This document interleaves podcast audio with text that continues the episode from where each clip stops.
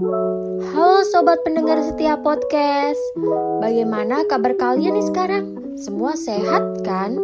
Kondisi saat ini, jangan lupa tetap menetapkan protokol kesehatan ya. Oh iya, jangan lupa vaksin juga. Oke, lanjut. Semoga kalian suka dan tidak bosan untuk mendengarkan cerita dari kami, terkhusus untuk para wanita di luar sana. Kali ini kita akan membawakan cerita dengan judul Ceratai yang berisikan lima bab. Selamat mendengarkan.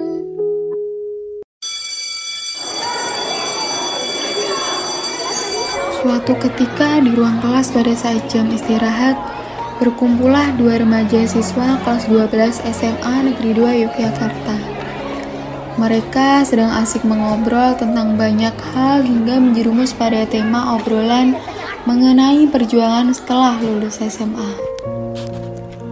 Baru kemarin mereka merasakan senangnya sekolah bersama teman-teman dan bercandaria di sekolah ketika jam istirahat, ketika mereka sedang mata pelajaran, hingga ketika mereka sedang mendapatkan hukuman yang sama dari guru karena ulah mereka sendiri.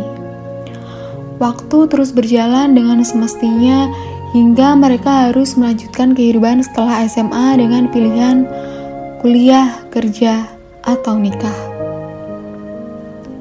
Namun, beberapa dari mereka masih enggan meninggalkan kehidupan SMA karena banyaknya kenangan bersama teman-teman dan guru.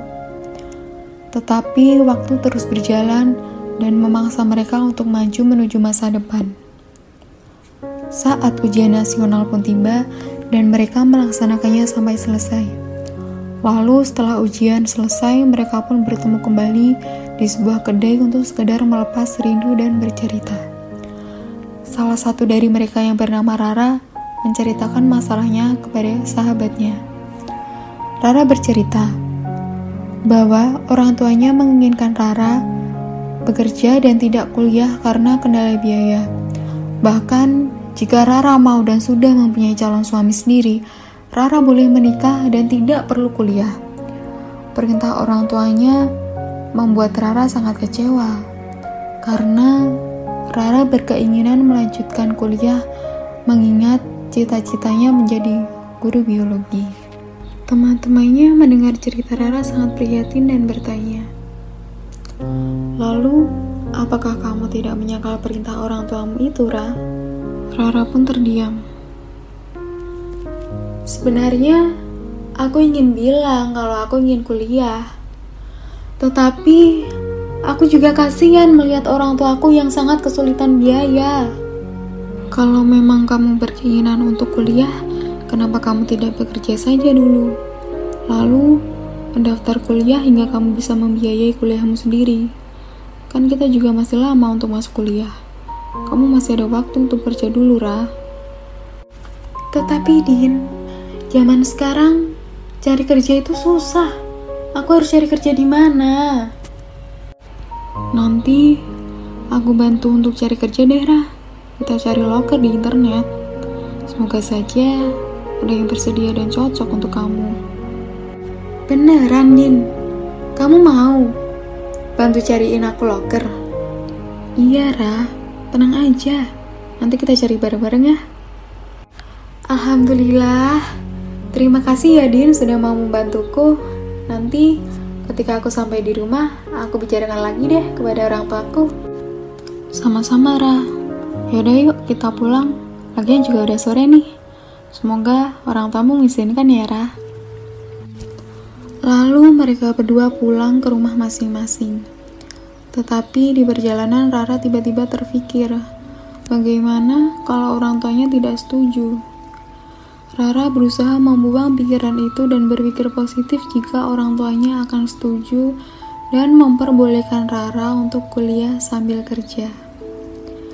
Sesampai di rumah, Rara pun mandi, bersih-bersih rumah, dan tentunya Rara pun sholat maghrib. Selepas sholat, Rara keluar kamar dan mencari orang tuanya yang ternyata berada di ruang tamu sedang menonton televisi. Rara pun mendatangi orang tuanya lalu berbicara mengenai keputusan untuk kuliah sambil kerja. Bu, apakah Rara boleh berbicara dengan Bapak dan Ibu? Apa nak? Kamu ingin berbicara apa? Pak, Bu, kalau Rara ingin kerja lalu lanjut kuliah bagaimana? Apakah Bapak dan Ibu mengizinkan Rara? Ibu Rara pun kaget mendengar ucapan anaknya itu. Apa? Kamu ingin kuliah? Tetapi Bapak dan Ibu tidak mempunyai biaya cukup untuk kamu kuliah, nak. Iya benar kata Ibu Murah, kita tidak punya cukup uang untuk biaya kamu kuliah. Rara yang sedikit kecewa dengan jawaban orang tuanya, ia masih berusaha menjelaskan niat yang sebenarnya. Pak, Bu, bukan begitu maksud Rara. Ini kan untuk masuk kuliah juga masih lama waktunya. Nah, sambil menunggu waktu masuk kuliah, Rara ingin mencari pekerjaan agar Rara bisa membiayai kuliah Rara sendiri. Sehingga bapak dan ibu tidak perlu memikirkan biaya kuliah Rara lagi deh. Kamu mau kerja di mana, nak? Rara akan mencari lowongan pekerjaan di internet, Bu dibantu Dina. Jadi Rara tidak sendirian. Apakah Rara yakin dengan keputusan Rara itu? Apakah tidak memberatkan Rara juga nantinya? Tidak, Pak. Rara sudah yakin karena cita-cita Rara ingin kuliah dan menjadi guru biologi. Bapak dan Ibu pun hanya terdiam sejenak mendengar penjelasan dari Rara. Baiklah kalau itu keputusan Rara.